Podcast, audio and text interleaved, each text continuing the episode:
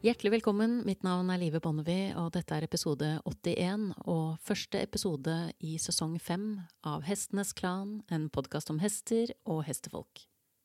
Det var en gang en gård i Sørkedalen med en stor, rød låve og et lite, okergult våningshus. Et sted som ble drevet av gode folk. Et sted som inspirerte meg da jeg skrev min første roman. Og et sted som var fullt av hestejenter som aldri sluttet å ri. Og i arbeidet med denne podkasten så har jeg tatt kontakt med flere av dem for å høre hva de driver med i dag. Og nå skal du få møte den første av dem. Katrine Fodstad.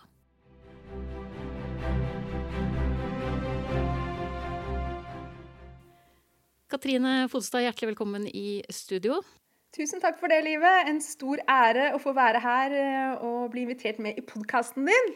Gjensidig ære og glede. Vi eh, har jo en fortid sammen. Det er jo Jeg orker ikke tenke på mange år siden. Vi snakker tiår siden. Eh, tiår som i flertall av tiår. Du og jeg starta vår karriere vel omtrent på samme stall. Og hadde våre første runde med islandshest da. Og så har det gått mange år. Så snakka vi litt om at vi traff hverandre på en reunion for ca. ti år siden, som jeg arrangerte hjemme hos meg. Og så har vi vært og ridd på Dovre sammen. Og da var vi vel en, hva var det vi sa, 75 islandshester på vei innover og så på mos moskus, som var stas. Ja, hva var det? Åsgårdsrei? Ja, det, det, er faktisk, ja, det er faktisk den største åsgårdsreien jeg noen gang har vært med på. Ja, det gikk unna. Det gikk unna. Og vi så moskus. Ja, og vi så 13 stykker, husker jeg. Det var en flokk. Det var helt fantastisk. Det måtte vel vært, Hvis jeg skulle sagt én Oscarsskjær som var større, så var det da vi var med på hestesanking på Island. Men, men, det er den eneste gangen jeg har vært borti noe som ligner. Gode minner. Mange gode minner. Ja. Men det vi skal snakke om nå, Katrine, det er at du i likhet med meg da aldri har stoppet med hest. Eh, snarere tvert imot. Eh, og du har, eh, du har utvikla deg en egen retning som du kaller Ride like a Viking. Ja, det stemmer det. Og det var begynte vel i etterkant av at jeg deltok i Mongol Derby, verdens lengste og tøffeste hesteritt i Mongolia på halvville hester. Og det var nok der jeg skjønte hvor stort kontrollbehov vestlige ryttere har, og hvor dårlig det fungerer på hva skal jeg si, ekte hester, da. Som ikke er trent inn i den måten å bli ridd på. Ja, for jeg tenker Det er en viktig distinksjon, det du sier der. At når du treffer en hest som er en 100% hest, så får du litt andre svar enn de som allerede på en måte er pressa litt inn i den formen som vi har lagd. Absolutt, absolutt. Og ja, jeg ble jo veldig klar over at eh, min idé om å reise ned dit og trene hestene, det resulterte egentlig i at hestene trente meg. For det, mm, det, så jo så lett ut når de mongolske barna føk av gårde over steppene på hestene i vill fart. Det så så enkelt ut. Det var som en sånn manifestasjon av frihet. Eh, men da vi skulle prøve dette her, vi vestlige ryttere, så ble vi jo fort eh, kastet av eller bare slengt av i nærmeste sving. For de hestene følte det som en veldig trussel mot dems eksistens. Når vi på en måte prøvde å kontrollere dem litt med, med våre myke hender og hjelpende skjenkler, så ble det en sånn eh, De følte seg fanget. Og som mongolsk hest i Mongolia, du kan ikke overleve uten å på en måte kunne flykte og uten å kunne fote deg naturlig. Og de kjente jo selvfølgelig terrenget og alt mye, mye bedre enn oss også. Så det beste var egentlig å, å prøve å bare slippe tøylene og, og, go with the flow. Og, og, heller komme med litt innspill etter hvert, da. Ja. Men det skiftet må jo ha vært veldig krevende å ta? Altså å, å slippe tak så til de grader som det du beskriver at det rittet der forutsatte? Eller, det, eller hadde du begynt å hva skal jeg si, gå opp litt av den veien fra før? Altså dette med å, å Man lærer jo det etter hvert at det er bra for dem, at man ikke tviholder på dem. Men liksom, hvor var du når du startet, og hvor stort ble det skiftet i deg, da? Det ble egentlig ganske stort, for jeg trodde jeg var veldig myk og flink og støttende. Men hestene sa jo med en gang at jeg ikke var det. Så det er jo mye De merker òg hva vi tenker. For det vi tenker, det gjør kroppen vår ubevisst. Og det er jo klart, sitter noen på ryggen din, så merker du jo fort hva de tenker, fordi kroppen vil på en måte gjøre det. Så det handlet egentlig mest om å, å bare endre tankesettet. Og, og, så var det egentlig bare strengt nødvendig. Jeg hadde aldri klart å gjennomføre det løpet uten å gi slipp. Da hadde jeg blitt kastet av og, eller tatt en salto mortale på steppene. For eh, det ser jo veldig ut som veldig veldig enkelt terreng. Som endeløse gressletter og ikke noe gjerder, ingenting. Men det er veldig mange sånne jordrotter der, så det er masse hull i bakken. Så de hestene må jo kunne få lov å liksom hoppe til siden eller over, eller få, ha sine ben selv. Så ja, nei, det ble bare en, rett og slett en nødvendighet.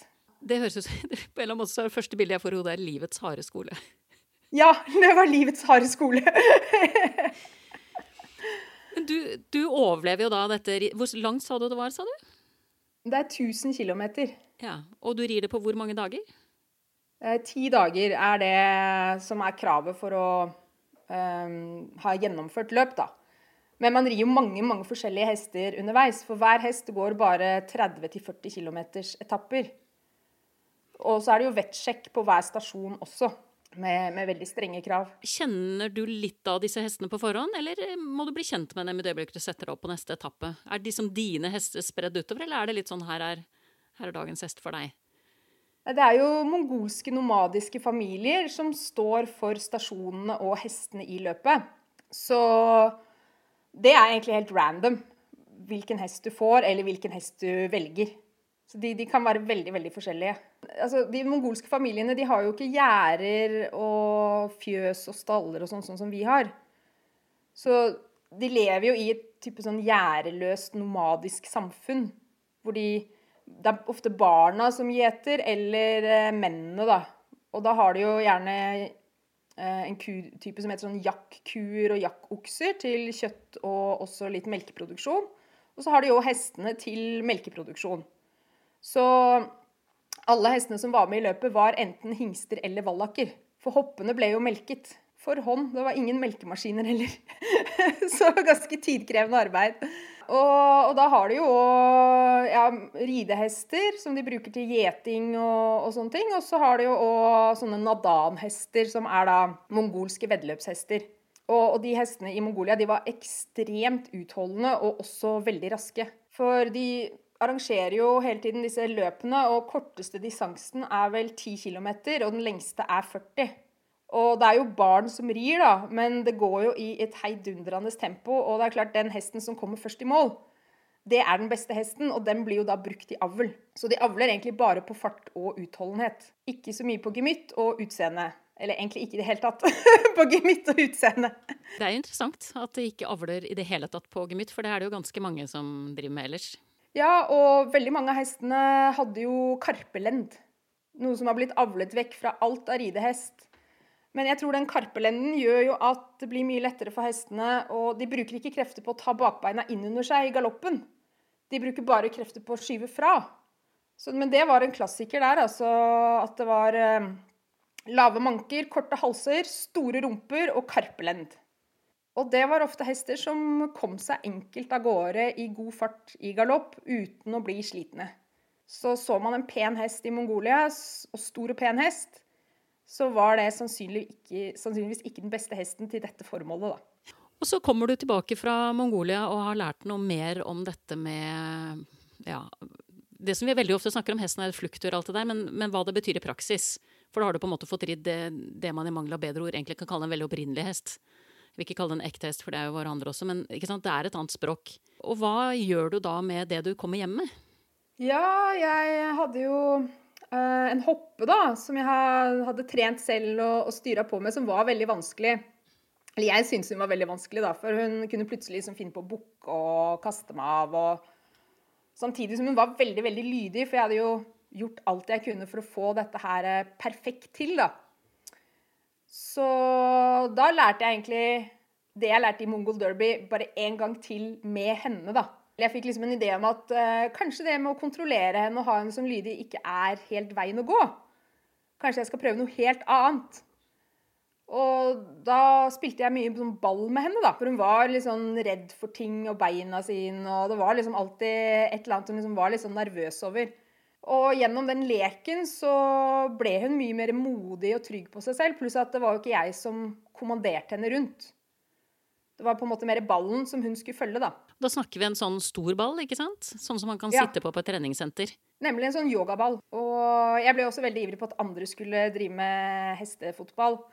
Men eh, det er ganske farlig å gjøre det eh, hvis man ikke har muligheten til å kommunisere med hesten på avstand gjennom kroppsspråk. Hvis du liksom ikke kan flytte framparten eller bakparten, og ikke er så god på å lese hest, så kan du jo risikere å bli sparket eh, eh eller løpt ned, eller Ikke sant. Det kan bli litt sånn kaotisk, særlig hvis man begynner å løpe og sparke mye og, og sånne ting. Så, så det, er, det, er, fortsatt en del av det jeg lærer bort, men nå er det mer sånn eh, Når du har gjort alt det andre, så kan du spille ball med hesten din. ja det er, ikke man, det, er, det er ikke så lurt å starte med det, da.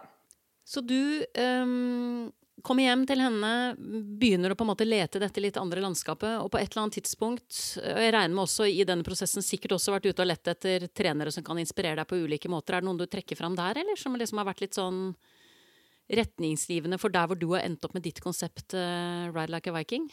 Ja, ja, absolutt. Um, jeg er definitivt nødt til å nevne Warwick Schiller og han har et veldig, veldig bra program eh, som jeg har deltatt i og fortsatt medlem, helt sikkert.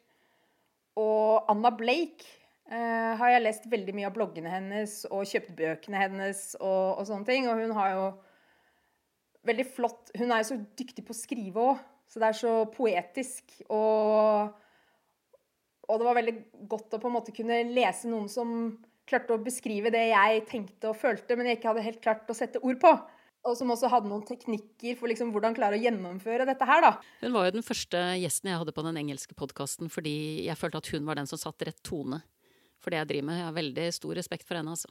Hun er dritflink.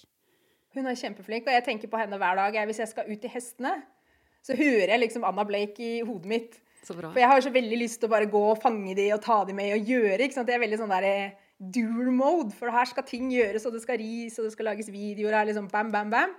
Men hun bare Let the air rest and breathe. Og så bare vente litt. Og så plutselig kommer jo hesten til deg, og da har du en helt, helt annen start enn om vi liksom kommer med vår agenda og, og liksom grabber dem, da. Selv om de står stille og, og syns dette er greit, så blir det en helt annen, helt annen start på det, og det er veldig viktig. Ja, og Tina Marie Buddeberg. Ja, i Drømmedalen i Sollia. Det er jo ikke så langt fra der jeg bor. Så jeg dro jo på hestemeditasjon med Tina. Å, det er så hyggelig å høre. Det var så bra, for eh, mesteparten av meditasjonen var jo egentlig, handla jo om personal space og det å være tydelig. Så du kan jo ikke sette deg ned og meditere med masse hester hvis ikke de har respekt for ditt personlige område, og du ikke er tydelig og klar på hva som skal foregå. Du kan ikke sitte der i lotusstilling med øynene lukket og liksom bli skrapet på og invadert. Du må på en måte lage en, en slags connection med denne flokken du skal sitte med, sånn at uh, de skjønner at du på en måte har ditt personlige område, uten å skremme de vekk. da.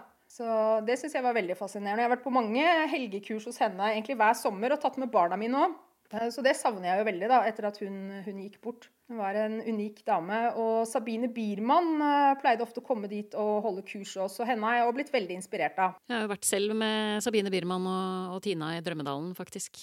Også en veldig interessant dame. Helt enig. Absolutt, altså. Så morsomt å se at vi har såpass mange hva skal jeg si, felles referansepunkter også i det her. Men det ser jo litt i det arbeidet du gjør òg. Det er jo også litt derfor jeg syns det er interessant å ta den praten her. Det er ikke det at man bare skal snakke med folk som tenker opp samme gate, men, men jeg syns det er en interessant gate å snakke om, da. Rett og slett. Ja, og første kurset med Sabine Biermann jeg var på, det var jo og lenge før Mongol Derby og alt sammen. Og da må jeg bare ærlig innrømme at den helgen fikk ikke jeg så veldig mye ut av. Annet enn at jeg syns dette her var veldig rart. Men enkelte ting tok jeg liksom med meg. Hun sådde noen sånne frø. Og jeg tenker at det handler vel kanskje bare om hvilket sted man er på reisen. Ja, det tror jeg. Fordi uh, Sabine Biermann uh, er jo mer altså hun er jo mer krevende tilgjengelig, for det hun jobber med, er mer raffinert, eller hva skal jeg si, stillfarent. da. Hvis man, på, altså hvis man drar med Warwick Schiller, så, så ser man jo veldig tydelig hva som foregår. Det gjør man ikke nødvendigvis med Sabine Biermann. Der må man gi det mer tid, og man må ha et større tolkningsrom. da. Så, så jeg, det skjønner jeg godt. Jeg husker, jeg kan si for seg det samme om Leslie Desmond i enkelte sammenhenger også, at for noen er jo det å se maling tørke når hun virkelig jobber med en hest. Jeg husker jeg var på et kurs i Sverige hvor hun var en av instruktørene, og da satt jeg ved siden av noen som ikke på en måte hadde åpnet øynene for det vi snakker om her, og de skjønte ingenting av det som foregikk. Mens jeg og venninna mi som hadde fulgt liksom konseptet litt lenger, vi var litt sånn fy faen, så du den endringen i den hesten? Ikke sant? Så sånn er det jo. Ja, det er det. jo. Og Sabine Biermann har jo en veldig sånn indirekte måte å kommunisere med hestene på. Og der følte jeg at den balltreningen kunne jeg på en måte gjøre til noe konkret. For da var det liksom ballen som snakket, og ikke jeg som kommanderte. Så det var eh, veldig interessant. Så jeg tror man må finne sin egen uttrykksform i dette her. For det blir veldig sånn personlig hvordan man er rundt hesten. Og jeg husker det Sabine Biermann sa, som jeg bet meg veldig merke i, var jo at man skal ikke drive og prøve å være en annen enn det man er. Ofte er det sånn Ja, gjør deg stor og sterk og liksom blås deg opp så hesten ikke går deg ned. Eller gjør deg liten og kryp ned så hesten kommer til deg. Altså Sånne skuespillgreier, det, det, tar jo helt det tar jo luften vekk fra magen og opp i skuldrene. Og, og virker jo ofte egentlig bare mot sin hensikt. Og hesten lurer på liksom, hva slags menneske er dette her? Er skuespiller? Eller bare liksom Du kan være deg selv som den du er, og så må du finne ditt språk med hesten ut fra din personlighet, da. Men det er så mye lettere for folk å få beskjed om ting som de forstår. ikke sant? Gjør deg større, ja, jeg kan prøve å gjøre meg større, liksom. Enn å være større. Det er to forskjellige. Og det er klart at ja, det er jo derfor eh, noen av de som har vært veldig toneangivende innenfor, hvis vi kan kalle det et felt, da, natural horsemanship, eller hva man velger å kalle det, at de som har gjort det bra, er de som har gjort det enkelt for folk, da. Eh, men ikke nødvendigvis gjort det så mye enklere eller bedre for hestene. Mm, nemlig. Så, men sånn er det jo. Det med pusten, det jobber jeg mye med. Det er ofte der det sitter og liksom Magen og energien og, og det å være rett og tydelig og klar og uten å bli stiv og Ja, det er, det er ikke så, så, lett, men det viktigste tror jeg er å prøve, og så etter hvert vil man jo selv merke hva som blir feil.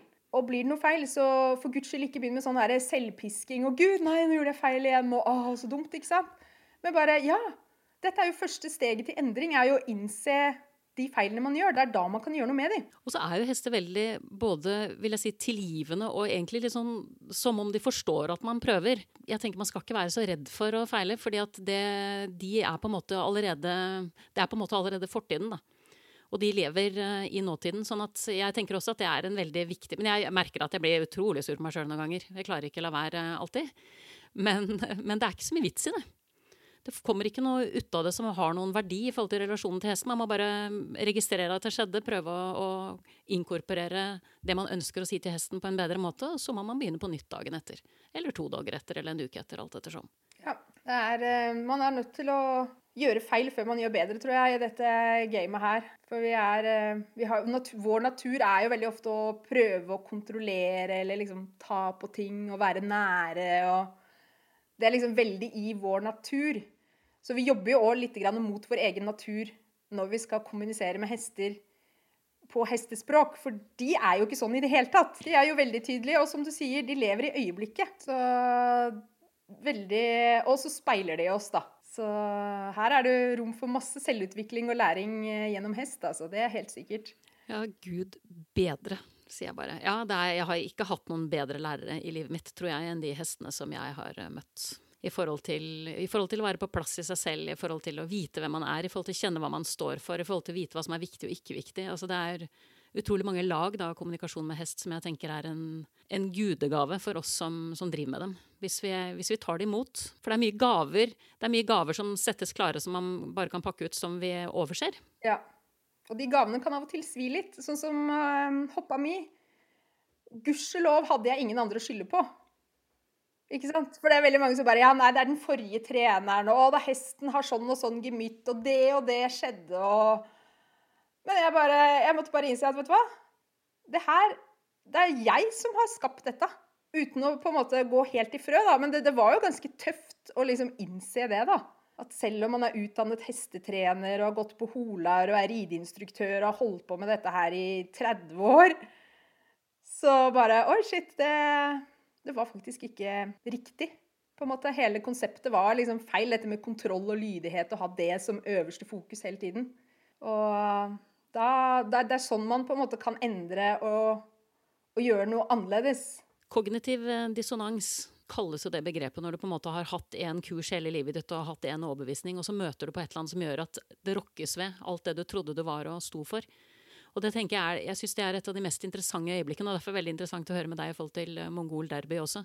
Altså Når man kommer til dette punktet hvor man får mulighet til å se noe annet, da, som kanskje er mer sant, og som kanskje kan som du sier, også noen ganger være veldig smertefullt, så har man et valg, da, som jeg har trukket fram i podkast noen ganger, litt sånn rød og blå pille i Matrix. Altså du kan Ignorance is bliss. Det er mye enklere å ri og drive med hest hvis man eh, ikke tar inn over seg hele spekteret. Det er ingen tvil om det. Men jeg syns vi skal begynne å snakke mer om gaven som ligger i å ta den reisen som det er, da. Å møte hestene der de er, og snakke deres språk. Ja. Det er en helt annen tur, rett og slett. Mm. Det svir litt. Det svir men mye, det er så tenker jeg. det. Ja. For det er noe som du sier når man i flere tiår, som jeg tenker var tilfellet for begge oss. Ikke det at man nødvendigvis bare har vært et svin på skogen før det, men man har holdt på i flere tiår, og jo mer ugagn du har gjort da i løpet av de årene som har gått, tenker jeg, jo tyngre er det å si shit, her fins det en mulighet. For jeg har jo snakket for med lesere av boka mi som sier jeg leste boka di, Livet, Jeg, jeg ser jo at dette er sant, men jeg bare kjenner at det er for mye jobb, sier de. Ja, man har ikke helt tid til å ta tak i det. Nei, og det er jo hyggelig å bare ri òg. Ja, og altså 90% av hester tolererer jo å bli håndtert feil. Så det er ikke sånn Så sånn sett var jo denne hoppa mi en gave òg, da. For uh, hun fant seg liksom ikke i det systemet som fungerte på den store majoriteten. Og da er det jo veldig fort lurt å tenke det er noe galt med henne. Jeg hadde henne til og med til sånn synsundersøkelse, jeg, altså. Dyrlegen. Bare det er noe gærent med synet hennes. og så er det vårt syn, ikke sant? Det er noe gærent med. Ja, så var det mitt syn som var feil. Helt ja. sant. Nei, det her er utrolig Det er utrolig interessant, rett og slett. Altså den Ja. Så det å komme dit, tenker jeg, så det er det jeg liker med det du har begynt å gjøre. da. Altså At du hjelper flere på en måte med å åpne en dør. da. Til å se, se, ting på en litt annen måte, til å reflektere rundt ting på en litt annen måte. For jeg tenker at det er viktig for hestenes velferd, eh, og for oss som mennesker også, at vi, at vi får den dimensjonen inn når vi driver med hest. Absolutt. Og jeg har jo òg nå flere medlemmer som faktisk driver rideskoler. Og det syns jeg var utrolig spennende å snakke med de som da driver rideskole, og hvordan de da har klart å innlemme disse metodene i rideskolen. Så mange har jo snudd helt opp ned på hele undervisningen og bare gjort det helt annerledes. Og veldig mange har fått, eller alle har fått utrolig gode tilbakemeldinger fra elevene og kundene. Som sier at det var jo egentlig dette jeg kom hit for. Ja, Nettopp, fordi det, det, det, er det som er så interessant, og det har jeg snakka både om i podkasten og skrevet bok om i og for seg. Altså, den jenta man var da vi, man liksom kryssa terskelen inn til stallen for første gangen, det var en jente som ikke hadde et kontrollbehov. Det er litt viktig å huske på. Det er det andre som har gitt henne. Sånn at det, Og det er hjertesak for meg, og jeg er veldig glad for å høre at For jeg tenker det er rideskolene som er veldig mye av nøkkelen til å få en endring. Det er jo nettopp at jentene får en mulighet til å lære dette riktig fra start. Og jeg vet ikke hvordan det er med deg, Katrine, men jeg, nå har jeg holdt på i Det begynner å nærme seg 20 år med avlæring. Og det er fortsatt mønstre der som jeg ikke får bort. Ja, ja, ja, definitivt. Og det er veldig irriterende. Og litt ja. sørgelig òg, syns jeg. Altså at, at, noen tok det fra meg, det jeg hadde fra før. Og kasta det i dass, på en måte. Og Så har jeg måttet bruke tid på å liksom, sortere det ut av søpla og finne det tilbake etterpå. Da. Ja, men jeg tror menneskers natur Vi er veldig taktile. Og vi er jo rovdyr eller ja, vegeta... Liksom, vi er veldig, veldig forskjellige fra hester. Så jeg tror at vi må på en måte kjempe litt mot vår egen natur for å kunne kommunisere bra med hester. Så det er ikke alltid det som føles intuitivt riktig, som faktisk er det beste man kan gjøre. Ja, meg selv eksempel, Hvis jeg har en fyrig hest som hele tiden går fortere og fortere Mitt første instinkt er jo å holde igjen den hesten så den ikke går fortere. For dette her føles jo utrygt. Men det er jo det verste jeg kan gjøre, for det vil jo slite ut tøylene etter hvert. Så hesten blir hardere og hardere i, bittet, og man må ha skarpere og skarpere bitt. Og dette her er jo ingen bærekraftig retning i det hele tatt, men det er mitt instinkt. Å bare ta tak i tøylen og passe på at dette her går bra. Rir jeg på en hest med dårlig fremdrift Mitt naturlige instinkt er jo å prøve å holde den hesten i gang med skjenkelen så den ikke stopper. Det er jo heller ikke bærekraftig i det hele tatt, for da blir jo den bare mer og mer skjenkeldød. Så jeg tror det handler mye om å la hestene gjøre feilen, sånn at man kan uh, gi belønning for når de gjør riktig. Ikke prøve å forhindre at de gjør feil. Make the right thing easy. Ikke yes. 'make the wrong thing difficult' det er liksom en av kjernesetningene i den podkasten her. For det, er, det høres så tilforlatelig ut, men det er så stor forskjell det er det. Og det har jeg faktisk lært veldig mye av. Å ta sånne sitater. For det er Tom Dor Dorrance, ikke sant? Altså, Jeg har bare fått dette sitert av Leslie Desmond, sånn jeg må ta et stort forbehold. Jeg vet det er helt 100% sikkert at Bill Dorrance, broren til Tom Dorrance, sa 'make the right thing easy'. Altså Det var hans kjernesetning. Og Leslies eh, tolkning var at Tom Dorrance eh, lå på den andre siden av skalaen og sa 'make the wrong thing difficult'. Men det, det, er jo hearsay, sånn at jeg kan ikke gå god for det. Men at Bill Dorrance var 'make the right thing easy', det, det er jeg godt kjent med. Og det er liksom den retningen som jeg har valgt for, uh, for min hest, eller de hestene jeg har med å gjøre. For jeg syns alt annet er meningsløst, da, men det er litt sånn smak og behag, selvfølgelig. Men jeg syns det er meningsløst.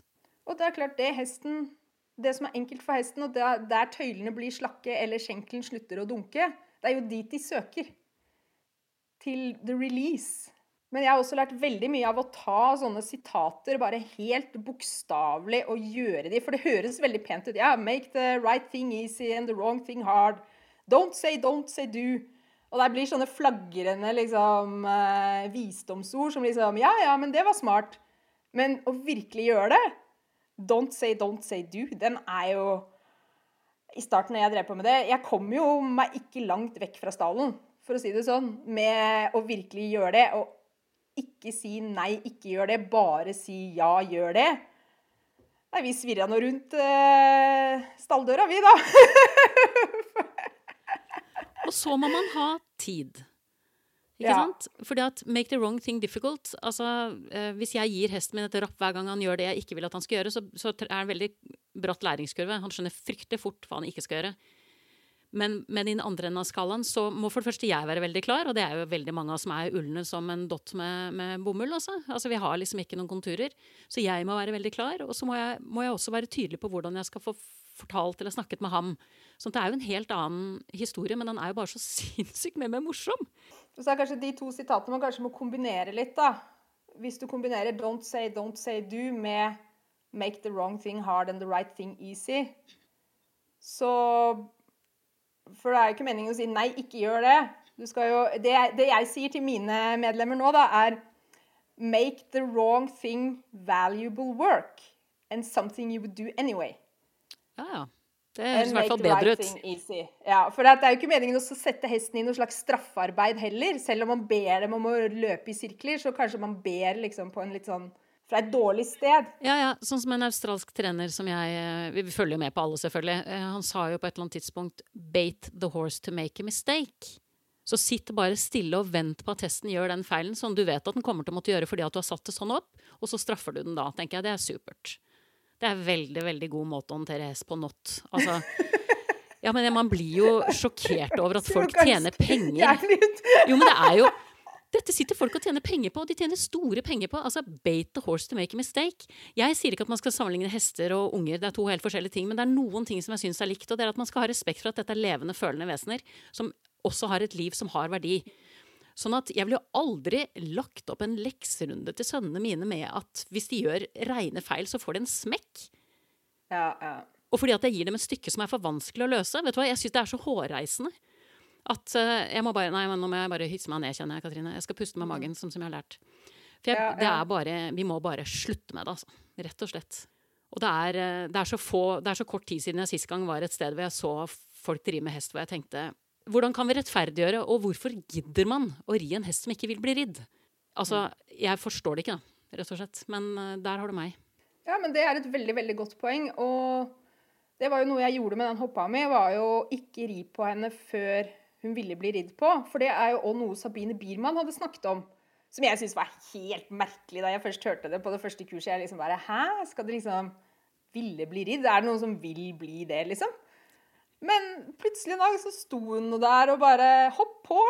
Og, og, det var bare en helt fantastisk følelse.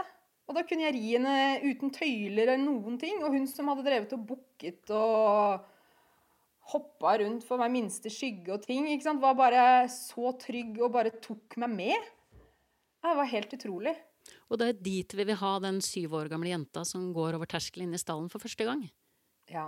For hvis vi, hvis, vi, gir henne dette andre systemet, som mind you er bygget på en militær tradisjon, bare for å starte et sted, så tar vi bort eh, selve grunnfjellet i den kommunikasjonen som hun skal ha med de hestene resten av livet. Og det er mm. klart, Fint at du har noen uh, rideskoler som har lærere som, som, begynner å tenke annerledes. Heldigvis. Det er jo det som er fint med min podkast, at folk kontakter meg, jeg får sendt videoer og sånne ting. Så jeg ser jo at det er mange nå som begynner å tenke har vi gått glipp av noe her?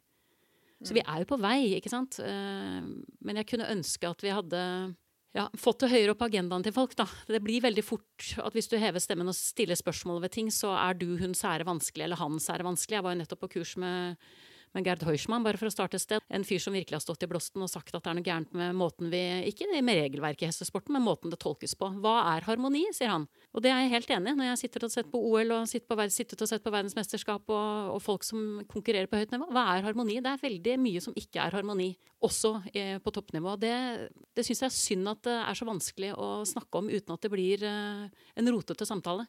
Ja, og det blir jo på en måte hestesport og, og, konkurranser og sånn. Og på meg virker det nesten som nå at hvis du ikke har hesten din på framparten i dressur med lav rygg og høye frambein, og rir sånn um, Ja, hvor det da nakkevirr, høyeste nakkevirvel ikke er høyeste punkt lenger, men krøller liksom nakken godt sammen, så har du egentlig ikke sjans til å komme i finalen.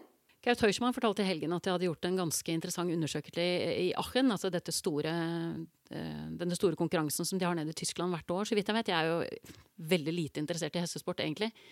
Men da fortalte han at de hadde hatt en undersøkelse hvor de hadde delt ut spørreskjemaer til folk som ikke drev med hest, altså vanlige publikummere som bare kom dit fordi de syntes det var pent å se på. Og så hadde de bedt dem om å gi score til de ulike ekvipasjene de så. Det interessante er at de som kommer fra utsiden av sporten, de på, på måte, de eh, følger reglementet bedre enn dommerne. For at de ser eh, hesten som et dyr. Eh, mm. Og ser om den har det, ser ut som den har det hyggelig eller ikke hyggelig på jobb.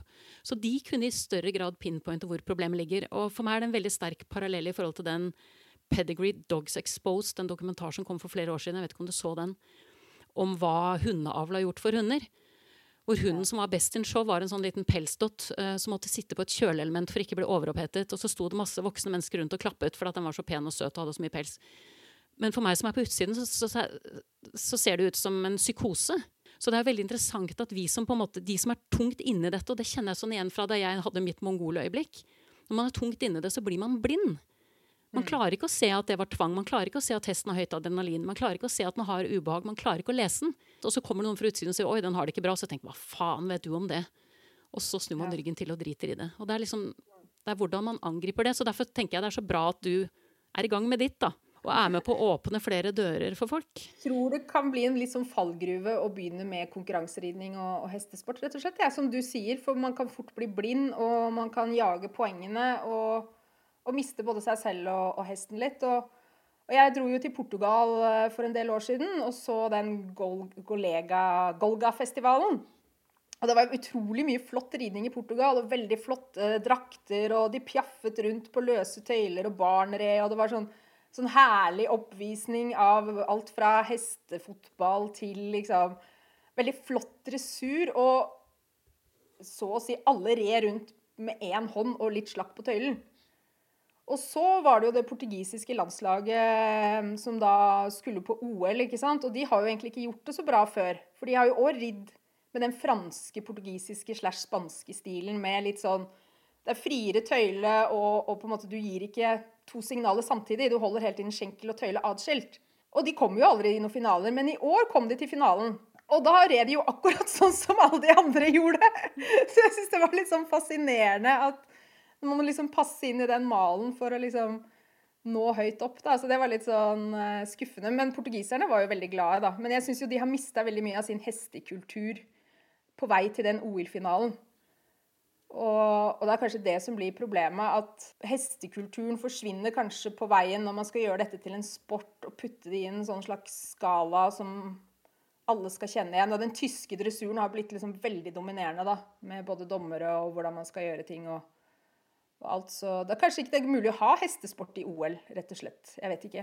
Nei, jeg vet ikke, men det var i hvert fall noen grener de viste i år som vi ikke kan ha lenger, for å si det sånn. Altså, ja, nei, jeg orker ikke snakke om det engang. Men det Gerd Horsman også snakket Jeg har han litt frisk i minne, for jeg så han for to dager siden. Han sa jo også at litt av utfordringen, sånn som han ser det, er at folk er ikke interessert i å lære å ri lenger. De er interessert i å lære å vinne, og det er to forskjellige ting.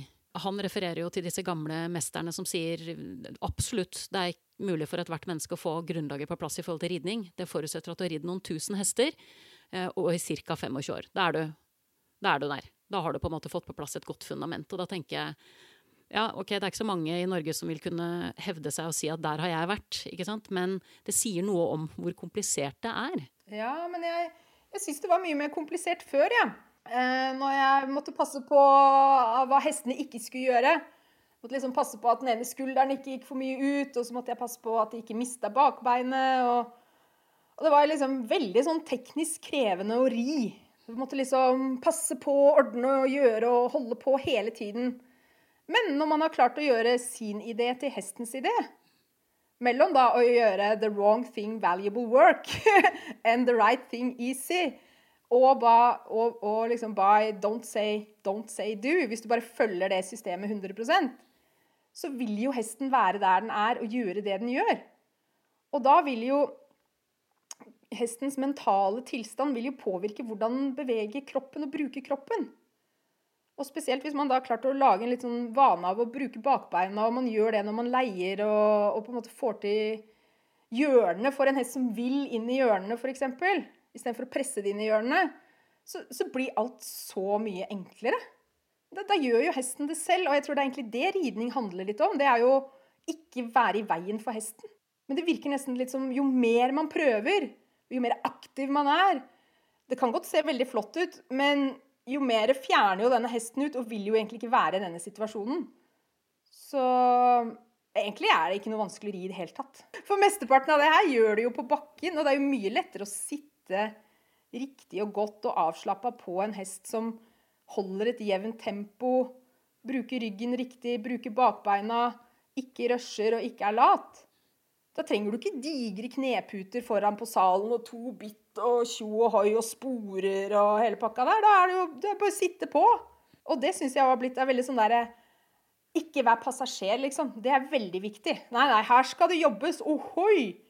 Men der har jeg bare Jeg bare Vær passasjer. Få til det bra først, og så kan du heller be hesten om å gjøre ting med de hjelperne du da ikke bruker på å holde hesten i gang og kontrollere den. Og, da, og hvis da skjenkelen din når bakbeina, og, hest, og, og, tøylen gjør hesten myk som smør, og du har bare tatt deg tid til å få det på plass, så, så blir det egentlig faktisk veldig enkelt. Jeg tror til og med barn kan få til dette her. Og handikappede og gamlinger. Ja, særlig kanskje handikappede og eldre. For de har ikke muligheten til å bruke sin fysikk liksom, til å mekke og holde liksom, ting på plass. Dette høres ut som en øh, Å, det er så motvillig å ha en utgang på en så interessant samtale som det er, Katrine. Vi får heller ta et oppfølgingsintervju. Altså, men det, det, høres ut som vi er liksom litt nærme det som på en måte blir mitt signaturspørsmål. Altså det du tenker at det er viktig at alle hestefolk, eller folk som driver med hest, vet, som er fort gjort å overse, da gjerne. Altså ting som du legger merke til. Har du en sånn fanesak eller en ting som du ville fremhevet? Ja, jeg, jeg prøver meg på en litt sånn slags oppskrift, jeg, da. Ja, perfekt. Hvordan begynner man nå med dette her? Og da tenker jeg at uh, det jeg gjør veldig mye, er jo å starte på avstand og se hva som skjer. Og ikke ta det personlig, det som skjer, men ta heller ansvar. Og kontroll er jo på ingen måte det samme som lederskap. Men hester vil gjerne ha en leder. Det er jo ikke til å egentlig stikke under en stol. Og hester er heller ikke eh, De vil ha et slags rangsystem, og den som eier sitt område, vil flytte en annen. Sånn holder de jo på hele tiden. Så det å på en måte være, være en god leder handler ikke om å kontrollere hesten. Men det handler mer om å gå foran og vise vei. Det er lederskap. Og å gjøre hest, din idé til hestens idé, det er jo også lederskap. Altså En god leder har jo ansatte som jobber mot det samme målet som en selv. Fordi dems idé er på en måte blitt din idé. Og ja, det var vel egentlig det jeg skulle si. For vi har vel kanskje en tendens til å bare starte helt i feil ende med liksom å gå veldig nærme hesten. Og enten blir vi da veldig veldig opptatt av å kose med denne hesten, og da ser vi ikke hva hesten forteller oss. At den er opptatt av omgivelsene og setter skulderen mot oss. Og vi står og klapper den og bare 'Å, gud, den er så søt!' Den hesten der har jo med en gang skjønt at det her mennesket her er jo ikke til stede i det hele tatt. Hvis dette mennesket her ikke ser hva jeg gjør med mitt tydelige kroppsspråk, så kommer heller aldri denne personen til å oppdage om det er ulver i buskene. Men sånt er veldig vanskelig å se på nært hold. Eller at vi liksom er nærme hesten, og med en gang så begynner vi med de der hendene våre og skal bare holde litt i grima eller holde litt i tauet, eller Vi er liksom De der hendene våre, det er ikke alltid så godt å vite hva de driver med. så vi blir fort sånn Ja, nå holder vi hesten her. Men altså, hesten står nå der. Hvorfor skal vi da be den om å gjøre noe den allerede gjør, da? Så det å starte på avstand, og da må vi bare ha rett og slett annet utstyr enn det som selges i hestebutikkene. Det er eh, korte leietauene og dinglegrimene, det, det funker ikke i det hele tatt. Ha god lengde på tauet. Invester i et godt leietau. Og en grime som ikke har sånn dinglering. Og, og få denne hesten på avstand og så se liksom hva som skjer. Og, og, før du vet ordet av det, så vil jo hesten da følge deg og ditt kroppsspråk og ikke minst dine føtter. For det er egentlig ikke Kanskje ikke handling dette handler om, men mer feetling. Man håndterer jo hestene gjennom føttene, ikke gjennom hendene. Og da har du liksom fått, fått det på plass på bakken, og så kan du ta med deg det inn i ridningen og opp på hesteryggen. Ja. Strøken avslutning på en veldig veldig hyggelig samtale, Katrine. Utrolig hyggelig å se deg igjen. Eh, og utrolig hyggelig og, og artig også å høre dine, å høre din, dine tanker rundt uh, inngangen til å både se noe annet og erfare noe annet med hester. Så jeg setter stor pris på at du uh, satte av tid til det her. Tusen takk for at jeg fikk komme. Det var utrolig hyggelig å se og snakke med deg igjen. Og du har en utrolig bra podkast som uh, det er bare en gave til hesteeiere og hesteinteresserte. Absolutt. Så veldig stolt av å få være med her. Veldig mye lykke til, Katrine, videre. Og så håper jeg at vi ses på en reunion om ikke altfor lenge. Det hadde vært hyggelig. Ja, det hadde det absolutt. det må vi få til. Du har nettopp hørt episode 81 fra Hestenes Klan, en podkast om hester og hestefolk. Takk til min faste komponist Fredrik Blom, takk til min gjest Katrine Fodestad, og sist, men ikke minst, takk til deg, kjære lytter, for tålmodigheten.